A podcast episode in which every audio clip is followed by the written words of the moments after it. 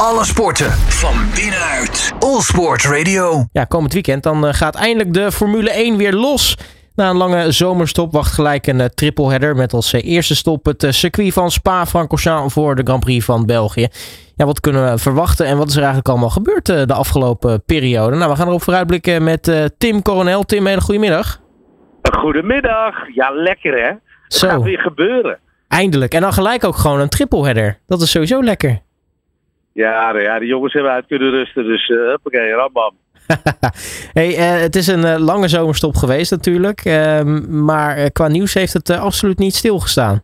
Nee, nou ja, dat is Formule 1 natuurlijk, er gebeurt altijd wel wat. En ja, er is, er is wat herrie geweest her en der. Ja, ik denk nou, de grootste herrie is natuurlijk ja, toch het gedoe rondom Daniel Ricciardo, waarvan we nu definitief weten dat de samenwerking met McLaren aan het einde van het seizoen uh, ten einde komt. Maar ja, dan hebben we ook nog zoiets als Alpine. Gaat hij daar naartoe? Uh, gaan ze toch op een of andere wondere wijze Oscar Piastri aan zich binden? Er zijn heel veel vraagtekens.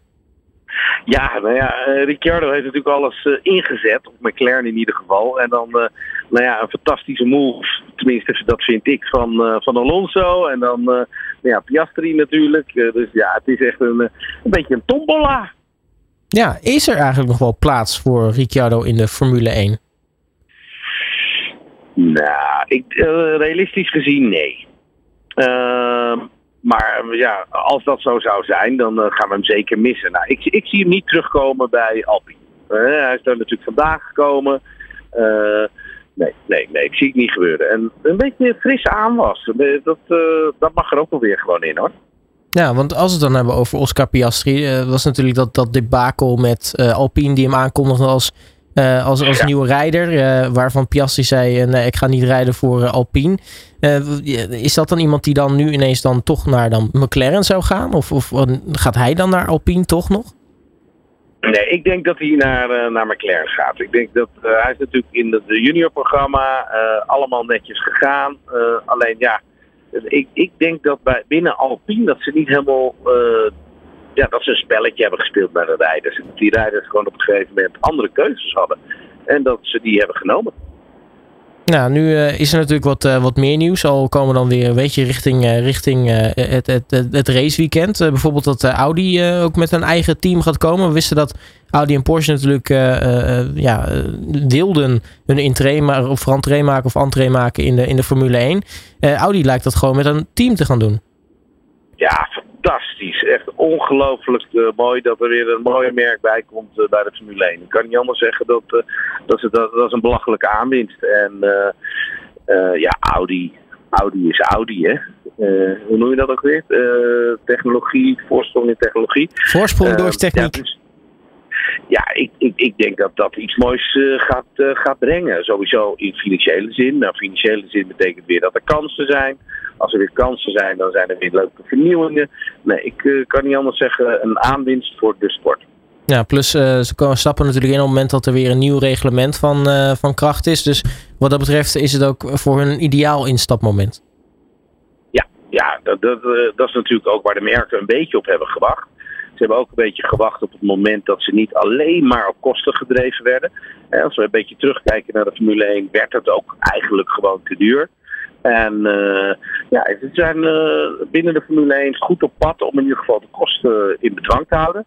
Ja, en dan wordt het weer interessant voor de grote merken om, uh, om weer in te stappen. Nou, dan nu dit weekend Spa-Francorchamps. Natuurlijk een legendarisch circuit. maar het zou zomaar kunnen uh, dat dit nou ja, voorlopig misschien wel de laatste keer is dat we de Formule 1 daar gaan zien.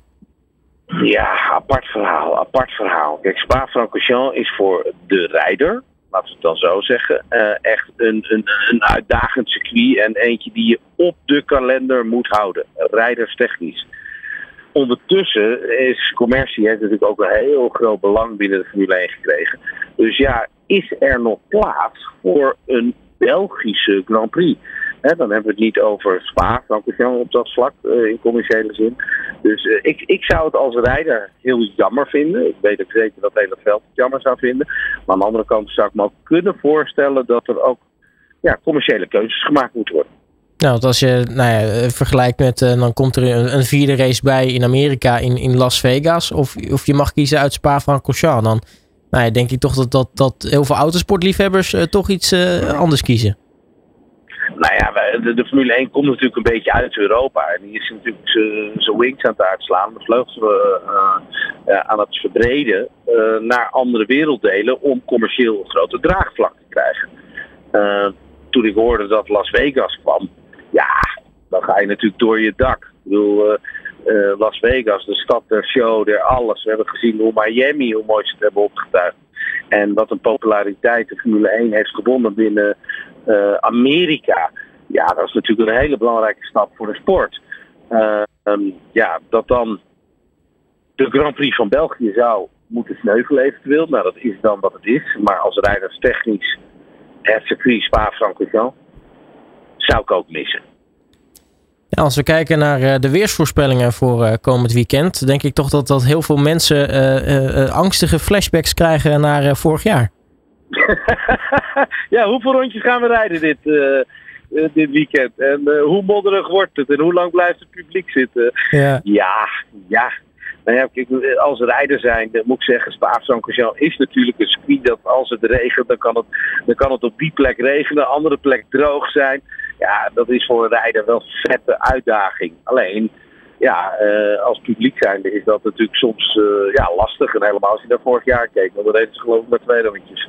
Dus uh, ja, dat wil je niet meemaken. Aan de andere kant denk ik dat de organisatie, of weet ik eigenlijk wel zeker, dat de organisatie daar vorig jaar natuurlijk Schiga van heeft geleerd.